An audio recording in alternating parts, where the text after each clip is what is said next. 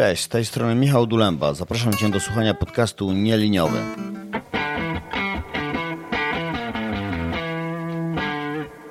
Będziemy tu rozmawiać o machine learning, programowaniu i zarządzaniu projektami korzystającymi ze sztucznej inteligencji. Jeśli pracujesz w tej branży, chciałbyś zacząć lub Twoja firma rozważa wykorzystanie tych technologii, jesteś w dobrym miejscu. Zapraszam Cię serdecznie.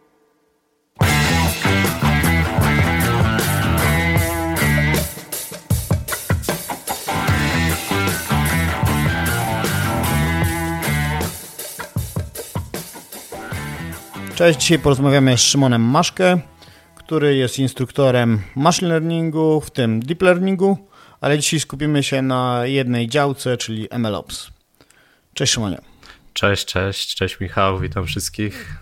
Może zaczniemy od tego, żebyś spróbował opowiedzieć ludziom, którzy nigdy się nie spotkali z tym pojęciem, tak naprawdę czym jest ten MLOps albo jaką definicję ty preferujesz czy sugerujesz. No właśnie z definicją MLOps ogólnie bywa dosyć ciężko obecnie. Sama działka jest w powijakach. Najprostsza definicja, jaka mi przychodzi do głowy, to jest wszystko wokół modelu. Jeżeli już mam jakiś gotowy model, typu eksperymenty, ogarnianie właśnie eksperymentów, wrzucanie tego modelu gdzieś na chmurę, jeżeli potem chcemy z tego robić jakiś serwis, odpytywać go przez jakiegoś resta, przez monitoring i inne rzeczy, które są jednak oryginalnie były z działki DevOpsowej, teraz są trochę bardziej nakierowane w stronę właśnie ML-a ogólnego.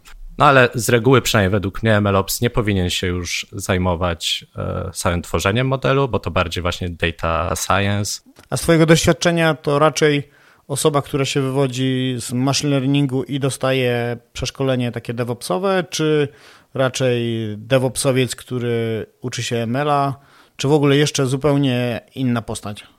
To raczej idzie od strony ML-owca, który bardziej idzie w stronę DevOpsowania, powiedzmy ale nie jestem pewien, czy jest to dobry kierunek. Takie przynajmniej zaobserwowałem i takie były requesty w mojej poprzedniej pracy akurat, żeby z ML-owców bardziej robić ML-opsów. O, może tak. I o, o, tym, o tym częściej słyszę przynajmniej. To może pociągnijmy ten wątek, dlaczego myślisz, że to jest e, zła opcja.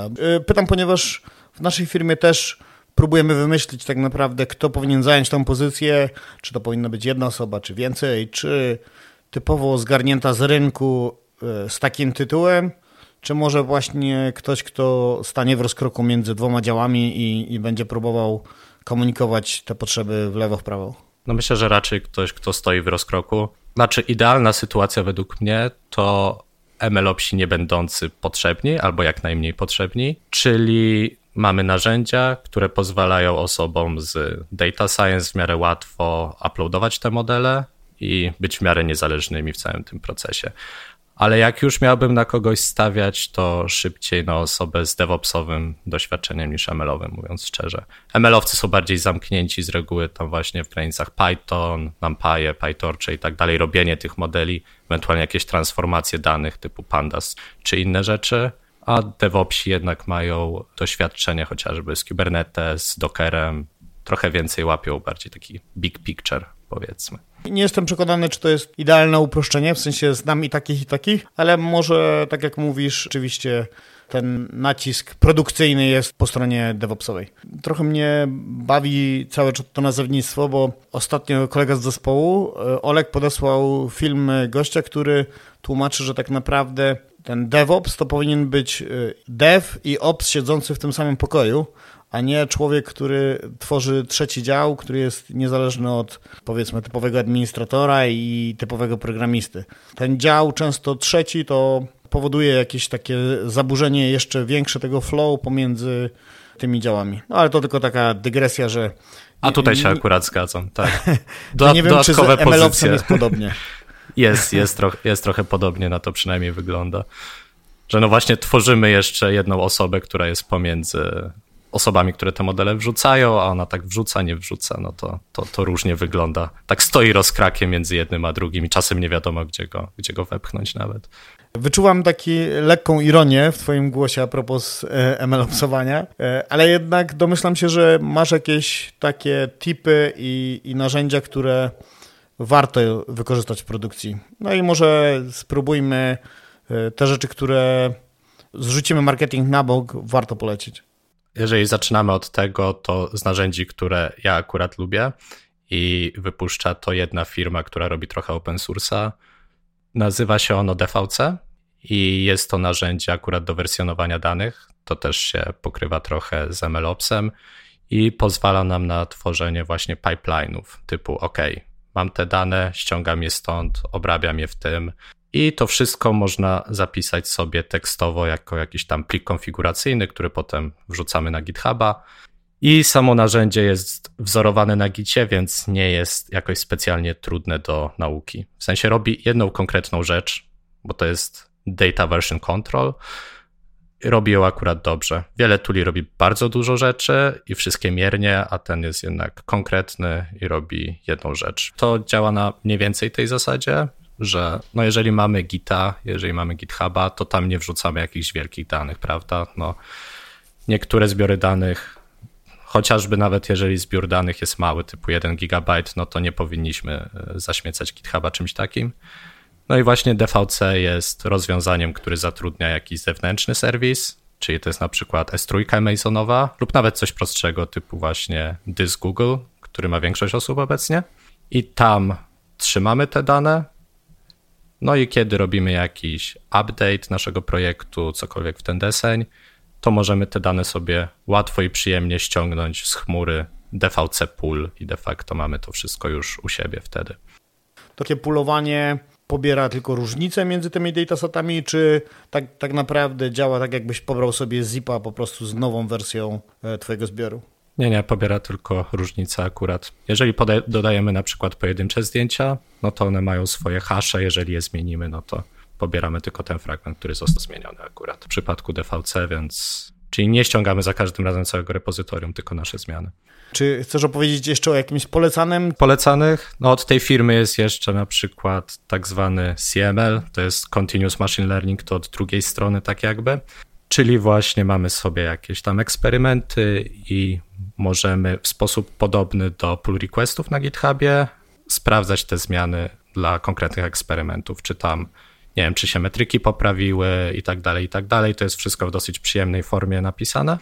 A sama konfiguracja jest w YAMLu, też ją możemy tam na naszym repo trzymać, więc myślę, że też jest całkiem, całkiem ok, chociaż jest mało popularny póki co. Na szczęście oni robią to wszystko open source'owo i faktycznie chyba mają teraz platformę, ale ona jest opcjonalna i nie musimy z niej korzystać. Sam GitHub nam de facto wystarczy, który no, też jest darmowy, także to, to, to nie jest problem.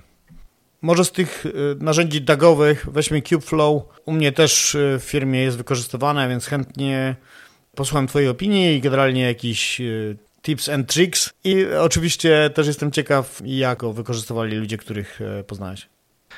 Nie wiem, nie jestem fanem po prostu Kubeflow, jeżeli mam być szczery.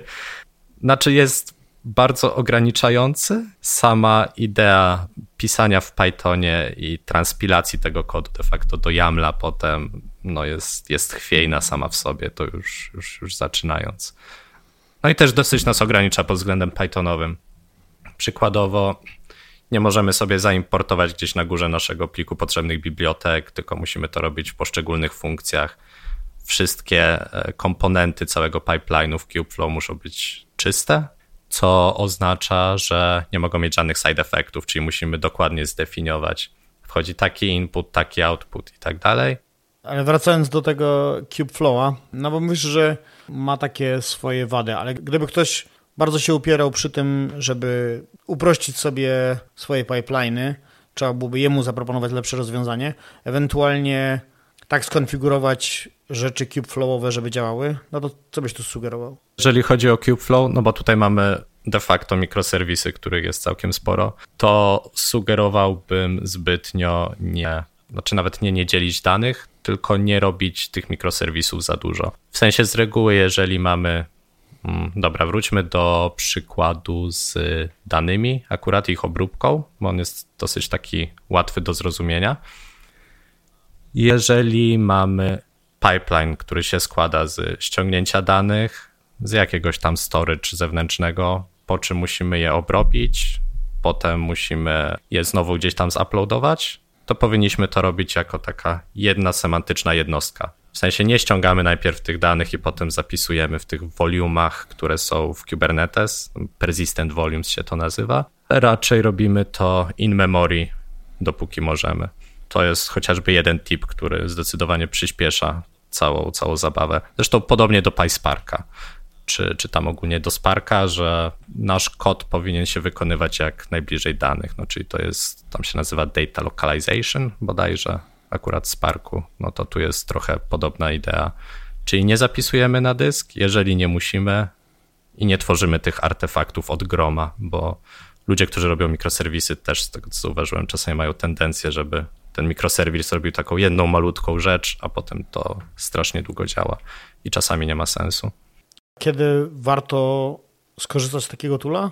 Jaki zaproponowałbyś taki use case, że powiedzmy, no firma ma 10 różnych modeli, jedne tekstowe, drugie obrazkowe, trzecie jeszcze jakieś tam, nie wiem, dane tabelaryczne, jedne odświeżone rzadko, inne często, to w którym momencie Kubeflow, czy w ogóle takie narzędzie typu DAG, twoim zdaniem będzie miało sens i no naprawdę ułatwi pracę? No, musimy mieć bardzo duże modele lub bardzo dużo danych akurat, żeby miało to trochę więcej sensu. Jeżeli mamy mnóstwo danych, jeżeli te dane do nas przychodzą w jakiś tam sposób ciągły, to moglibyśmy też iść trochę w stronę tam sparkowego streamingu, ale jeżeli mamy model, który jest za duży na jeden komputer, na przykład te wszystkie popularne obecnie e, tekstowe typu GPT-3, no to bez takiej automatycznej skalowalności oraz bez tego, że jak jeden node nam pada, no to on jest tak jakby od nowa odpalany przez Kubernetesa i on całym tym klastrem zarządza, to wtedy faktycznie może nam to pomóc. No i oczywiście cache'owanie poszczególnych etapów. Jeżeli już dany etap jest zrobiony, no to nie odpalamy go ponownie i to właśnie nam też zapewnia DAG albo wszelakie inne DAGi w różnych frameworkach. A to, co słyszę z tego, co mówisz, to bardziej sugerujesz takie rozwiązanie, że jeżeli potrzebujemy zrównoleglić jakieś operacje, to wtedy z tego korzystamy. A ja ciągle mam takie wrażenie, że jak słyszę wykorzystanie tego, to jest myśl z cyklu. To jest taki tool, że jak naciśniemy tutaj przycisk, to zretrenuje się model, nawet na małej ilości danych albo mały model. Tylko, żeby nie robić tego lokalnie na komputerze z GPU, tylko żeby jednak to zrobić gdzieś tam, gdzie powstanie model czy cały mikroserwis i zdeployuje się w inne miejsce. Znaczy też ma taki use case, ale można do tego trochę prościej dojść niż akurat całego Kubernetesa pod spodem tam wrzucać, bo na tym się ten Kubeflow opiera de facto i nastawianiu tego i tak dalej, i tak dalej. W sensie to często jest więcej roboty niż to jest warte. Tak jak i, i wiele jednak narzędzi. Chociażby PySpark, który w jednej firmie był używany do danych rozmiaru, nie wiem, 10 gigabajtów, coś w ten deseń. No, no nie za szybko to działało, jakby nie patrzeć, bo, bo nie po to ten tool został stworzony w ogóle. A z platform typu sterowanie artefaktów, eksperymentów, czy jesteś w stanie tutaj opowiedzieć o jakichś albo które są warte wykorzystania? Jeżeli chodzi o sterowanie eksperymentów, bo z tym akurat się trochę bawiłem, no to jest trochę tuli, ale one są dosyć mało inwazyjne, nawet nie potrzebują MLOpsowania, powiedzmy w tym wypadku. Chociażby taki Weights and Biases, MLflow czy, czy Neptune, one są całkiem, całkiem użyteczne i całkiem proste w obsłudze. Więc po prostu piszemy kod Pythonowy i możemy łatwo te dane z eksperymentów chociażby wysłać. No jeżeli chodzi o trzymanie jakichś innych tam danych, no to obecnie istnieją feature story, które tam agregują te, te wszystkie dane, ale w feature storach raczej nie, nie siedziałem. A z, te, z tego typu narzędziami, jak mówisz, weights and biases, jak wygląda sprawa wersjonowania modeli i pobierania ich w trakcie budowy mikroserwisu? Jeżeli chodzi o takie inteligentne wersjonowanie, e, no DVC mimo wszystko je ma i to nie widzę jakiegoś większego problemu, żeby tych tuli razem używać. Jeżeli mamy po prostu ciągle zmieniające się dane, no to niestety ciężko przed tym uciec. Możemy podpiąć na przykład jakiś persistent volume tam w Kubernetesie, który po prostu zasysa te dane, który jest większy i do niego się podpinają konkretne pody. To, to też jest opcja. To może gdybyśmy spróbowali zrobić taki mały eksperyment, czyli Mamy model obrazkowy z dużą ilością danych, który jest odświeżany raz na jakiś czas i teraz gdzie, który element Twoim zdaniem byłby najlepszy, żeby sprawnie takie rzeczy update'ować, jakby zarządzać tym modelem, mikroserwisem, czyli mieć, tak jak mówisz, te operacje zautomatyzowane wokół pracy data scientista? No zależy właśnie od skali modelu. Jeżeli mamy mały model, może nie warto się pchać jednak w te mikroserwisy, bo to jest dodatkowy burden, brakuje mi akurat słowa po polsku, na utrzymywaniu całości. Ja na przykład bardzo lubię podejście GitOps, czyli trzymanie właśnie e, naszego repozytorium gitowego, no z reguły w chmurze albo GitHub, albo GitLab, gdzie tam uważamy, i trzymanie tego jako nasze źródło prawdy objawionej, powiedzmy.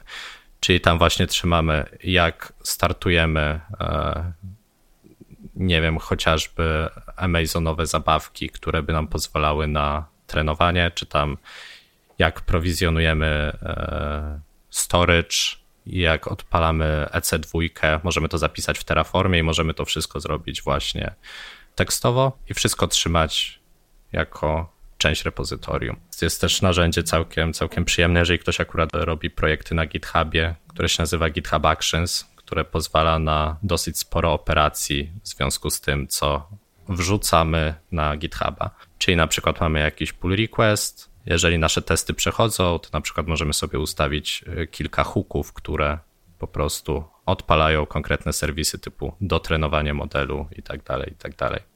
A to mówisz o czymś takim jak Cloud Build? To jest tego typu tool, czyli gdzieś tam zaszyte budowanie elementów tego kodu, który właśnie zakomitowałeś? Trochę tak, no. Na przykład stawianie infrastruktury, jeżeli mamy Gita i GitHuba, możemy tą infrastrukturę sobie wystartować za pomocą GitHub Actions. Po prostu ściągnąć to repo na S3 chociażby i potem na EC2 dotrenować nasz model na tym podzbiorze danych, czy tam, czy części starych i części nowych danych. Teraz zmieniając trochę temat, y, wspominałeś, że siedzisz też w sieci open source'owym. Jestem ciekaw, jakie projekty realizujesz, czy mm, działasz w jakimś większym teamie, czy może masz swoje? Obecnie mam swoich kilka, głównie związane są z PyTorchem. Tam nie można znaleźć, jak się wpisze moje imię i nazwisko, to tam powinno być na GitHubie. No chociażby jeden to była ta integracja PyTorcha z Lambda AWS-ową, co też jest wypuszczone jako open source, a było częścią mojej jeszcze poprzedniej akurat pracy, czyli że zespół był nie za duży, więc żeby ułatwić potem utrzymywanie całości, no to powstał tool, który właśnie opiera się o serverless, który nam pozwala nie bawić się w infrastrukturę de facto. No z innych, które są już wypuszczone, no to od obsługi danych w PyTorchu przez inferencję rozmiarów sieci do PyTorcha, ten jest, ten jest taki dosyć duży powiedzmy, przynajmniej jeżeli patrzeć po ilości gwiazdek, to jak w Krasie sobie robisz na przykład warstwy sieci neuronowych, no to tam tylko specyfikujesz, jaki ma być rozmiar outputu, czy tam w jakiejś konwolucyjny, czy liniowej. No PyTorch czegoś takiego nie miał, właśnie ten jeden z moich projektów to umożliwia. No, czyli nie musimy sobie za każdym razem kalkulować, że ok, rozmiar tej sieci wyjściowej był taki, więc musimy przechodzić tutaj, wpisywać ten rozmiar wejściowy i wyjściowy i tak dalej, i tak dalej, co trochę przyspiesza jednak prototypowanie. Teraz już chyba to wylądowało, przynajmniej podobna idea wylądowała w korowym PyTorchu. Więc open source'a i, na, i na stacku to z reguły siedzę. W rzeczach związanych z PyTorchem. Teraz trochę z nich wychodzę właśnie w stronę konfigurowania eksperymentów. Też planuję wypuścić jeden projekt z tym związany. Właśnie z konfiguracją eksperymentów, trzymaniem tego i tak dalej. Czyli piszesz swojego Neptuna? Tak, trochę w ten deseń, że, że piszę swojego Neptuna i piszę swoją hydrę facebookową. Facebook ma taki framework, który się zajmuje de facto tylko konfiguracją eksperymentów, żeby łatwo podawać parametry do tych eksperymentów i żeby to w miarę jakoś tam łatwo szło, a nie, że wszystko wpisujesz z command line'a i musisz 4 miliony flag dać, to pliki konfiguracyjne, inne tego typu rzeczy. Więc z jednej strony trochę swojego Neptuna, a z drugiej strony właśnie trochę swoją hydrę. Do Neptuna jest bardzo daleko i to zajmuje bardzo dużo czasu, więc nie wiem, czy bym się drugi raz szarpał na to i projekt jest on hold póki co, bo no, no jest, jest trochę, trochę duży. A w tego typu przedsięwzięciach, no może powiedz, co cię motywuje? No bo rozumiem, że oczywiście przy dyskusjach typu szukanie nowej pracy czy też kontraktu, no to GitHub jest jakąś wizytówką. Ale no, ta idea open source'owa wywodzi się tak naprawdę z czegoś tam zupełnie innego, tyle że no, w międzyczasie wiele się zmieniło. No tak, kiedyś open source był po prostu dla ludzi, którzy chcieli dać innym programy i ułatwić ich życie, nie tylko sobie. Teraz trochę przechodzi w stronę właśnie portfolio, jakiegoś tam leverage, jeżeli chodzi o szukanie pracy, czy, czy miejsca, w którym się możesz pochwalić. Po co ja akurat je robiłem? Bo uznałem, że niektóre z tych problemów da się w miarę łatwo rozwiązać, mniej więcej łatwo, i które po prostu mi ułatwią życie. A jeżeli mi ułatwią życie, to uznałem, że mogą też innym i mogę to po prostu wypuścić jako projekty już gotowe dla innych do użytku. Zaciąłem się, że jestem w stanie to zrobić i chciałem sobie pokazać, że umiem to zrobić i tak to wygląda. Albo uznałem, że ten pomysł jest lepszy niż czyjś inny pomysł, więc spróbujemy i że może innym osobom też się przyda akurat to. Też zawsze miło, jak te projekty nie trafiają do szuflady, tylko ktoś z nich faktycznie korzysta. Dzięki za te opowieści MLOpsowe. No jest, przyznam, że sam jeszcze nie do końca kupiłem tą ideę i widzę, że u nas w firmie się też w bólach rodzi ten obszar, takich no, niesamowitych wręcz. Więc fajnie, że ktoś też e, trzeźwo na to patrzy.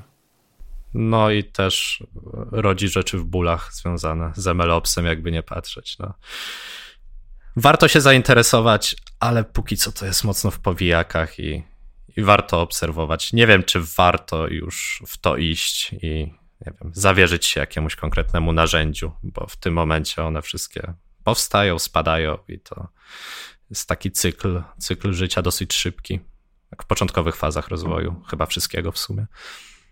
No, będziemy ostrożni, to na pewno, bo już, e, już mieliśmy e, taki zryw, że teraz na pewno to i po dwóch tygodniach okazało się, że jednak nie to, więc e, dokładnie to, o czym mówisz no, warto, warto czytać i patrzeć, co się dzieje z tymi projektami i, i, nie podążać za tym ślepo, bo jest ich mnóstwo i można to na mnóstwo sposobów zrobić. I trzeba poczekać, aż się wyklaruje. Pewnie za jakiś czas już będzie trochę łatwiej z tym wszystkim. To dzięki za porady i do usłyszenia. Dzięki wielkie, dzięki Michał.